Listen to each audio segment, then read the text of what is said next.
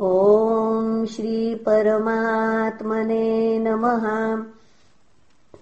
इति श्रीमद्भागवते महापुराणे पारमहंस्याम् संहितायाम् एकादशस्कन्धे अथाष्टमोऽध्यायः। ब्राह्मण उवाच सुखमैन्द्रियकम् राजन् स्वर्गे नरक एव च।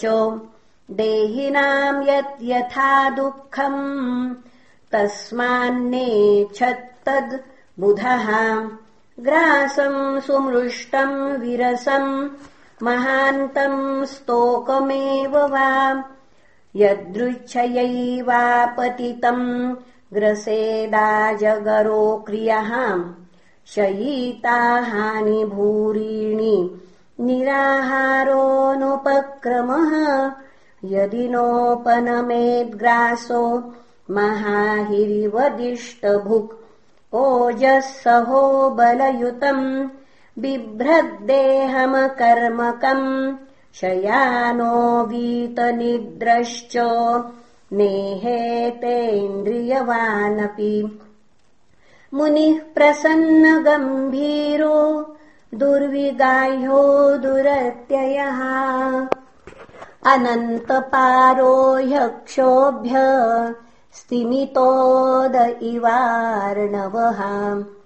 समृद्धकामो हीनो वा नारायणपरो मुनिः।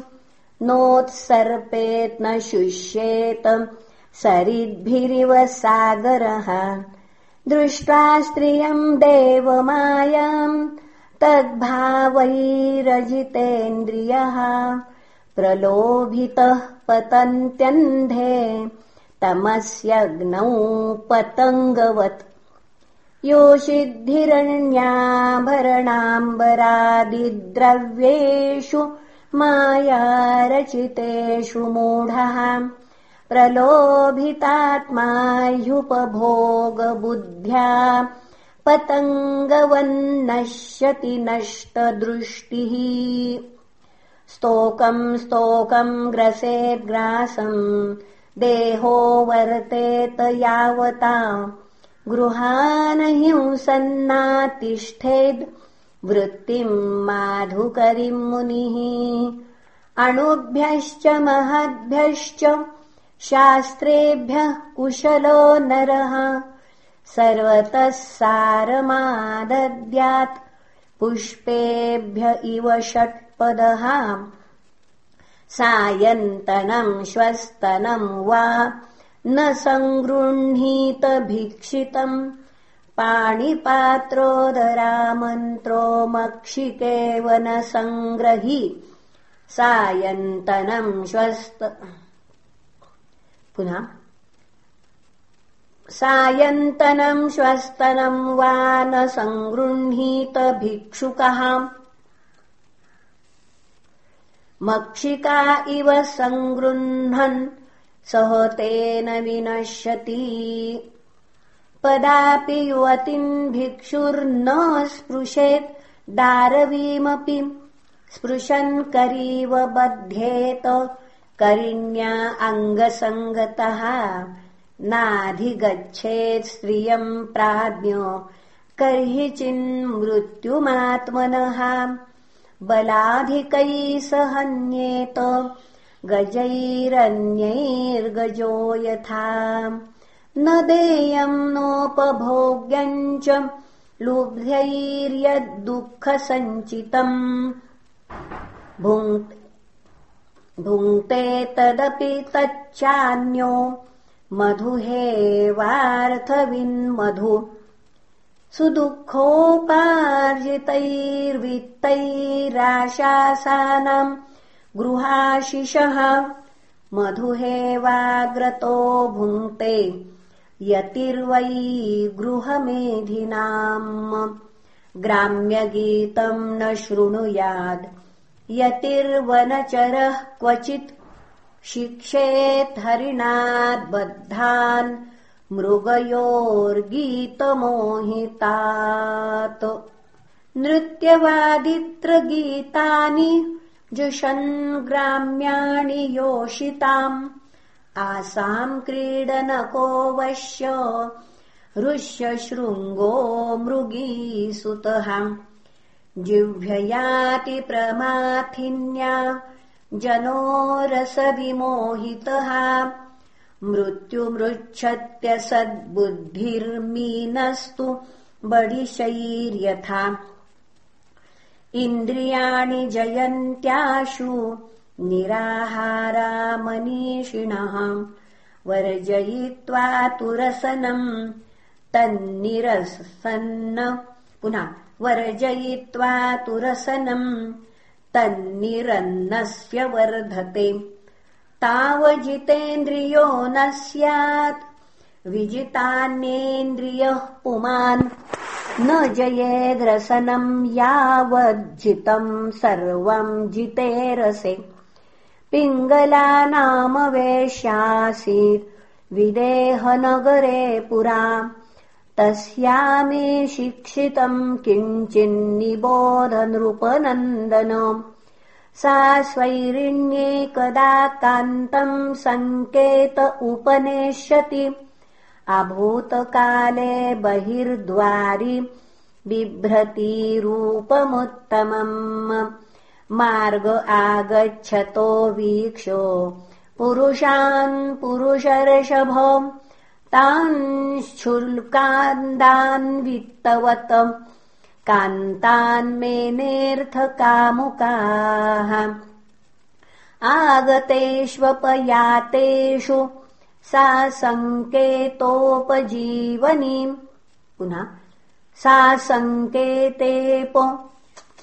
पुनः आगतेष्वपयातेषु सा सङ्केतोपजीवनीम् अप्यन्यो वित्तवान् कोऽपि मामुपैष्यति भूरिदः। एवम् दुराशया ध्वस्त निद्राद्वार्यवलम्बति।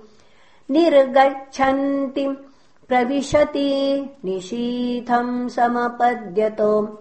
तस्या वित्ताशया शुष्यद्वक्त्रायादीनचेतसः निर्वेदः परमो जज्ञे चिन्ता हेतुः सुखावहम् तस्या निर्विण्णचित्ताया गीतम्। शृणु यथा मम निर्वेद आशापाशानाम्। पुरुषस्य यथा ह्यसिः।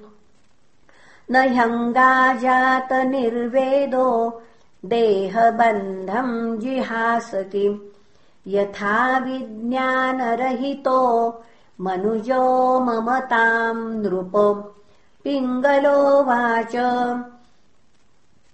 अहो मे मोहविततिम् पश्यता विजितात्मनः। या कान्ता दशतः कामम् कामये येन बालिशाम् सन्तम् समीपे रमणम् रतिप्रदम् वित्तप्रदम् नित्यमिमम् विहाय। अकामदम् दुःखभयाधिशोक मोहप्रदम् तुच्छमहम् भजेज्ञाम् अहो मयात्मा परितापितो वृथा। साङ्केत्यवृत्त्यातिविगर्ह्यवार्तयाम् स्त्रैणान्नरात्यार्थतृशो नु शोच्यात् क्रीतेन वित्तम् रतिमात्मनेच्छति। यदस्थिभिर्निर्मितवंशवंशस्थूणम् त्वचारो मनखैपिनद्धम् क्षरन्नवद्वारमगारमेतत् विण्मूत्रपूर्णम् मधुपैतिकान्याम् विदेहानाम् पुरे ह्यस्मिन्नहमेकैव मूढधीः यान्यमिच्छन्त्यसत्यस्मादात्मदात् काममच्युतात्। सुहृत्प्रेष्ठतमो नाथ आत्मा चायम् शरीरिणाम् तम् विक्रीयात्मनैवाहम् रमेनेन यथा रमा क्रियत् पुनः कियत्प्रियन्ते व्यभजन् कामाये कामदानराः। आद्यन्तवन्तो भार्यायाम् देवा वा कालविद्रुताः। नूनन्ते भगवान् प्रीतो विष्णुः केनापि कर्मणाम् निर्वेदोऽयम् दुराशाया यन्मे जातः सुखावहम् मैवम् शुन्नुर्मर्दभाग्याया।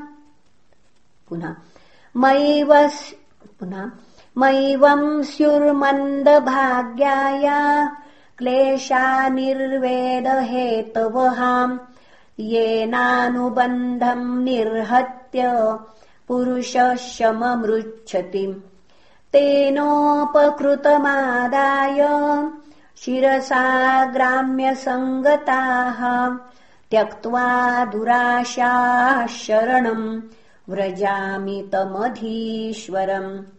सन्तुष्टा श्रद्धधत्येतद्यथा लाभेन जीवति।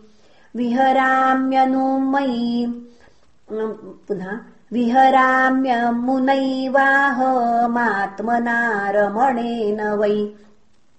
संसारकूपे पतितम् विषयैर्मृषिते क्षणम् ग्रस्तम् कालाहिनात्मानम् कोऽन्यस्त्रातुमधीश्वरः। आत्मैव ह्यात्मनो गोप्ता निर्विद्येत यदाखिलात् अप्रमत्त इदम् पश्येद् ग्रस्तम् कालाहिना जगत्। ब्राह्मण उवाच एवम् व्यवसितमतिर्दुराशाम् कान्ततर्षजाम्। चित्वोपशममास्थाय शय्यामुपविवेश सा आशा हि परमम् दुःखम् नैराश्यम् परमम् सुखम् यथा सञ्छिद्य कान्ताशाम् सुखम् सुष्वापपिङ्गला इति श्रीमद्भागवते महापुराणे पारमंस्याम् संहितायाम् एकादशस्कन्धे अष्टमोऽध्यायः श्रीकृष्णार्पणमस्तु। हरये नमः हरये नमः हरये नमः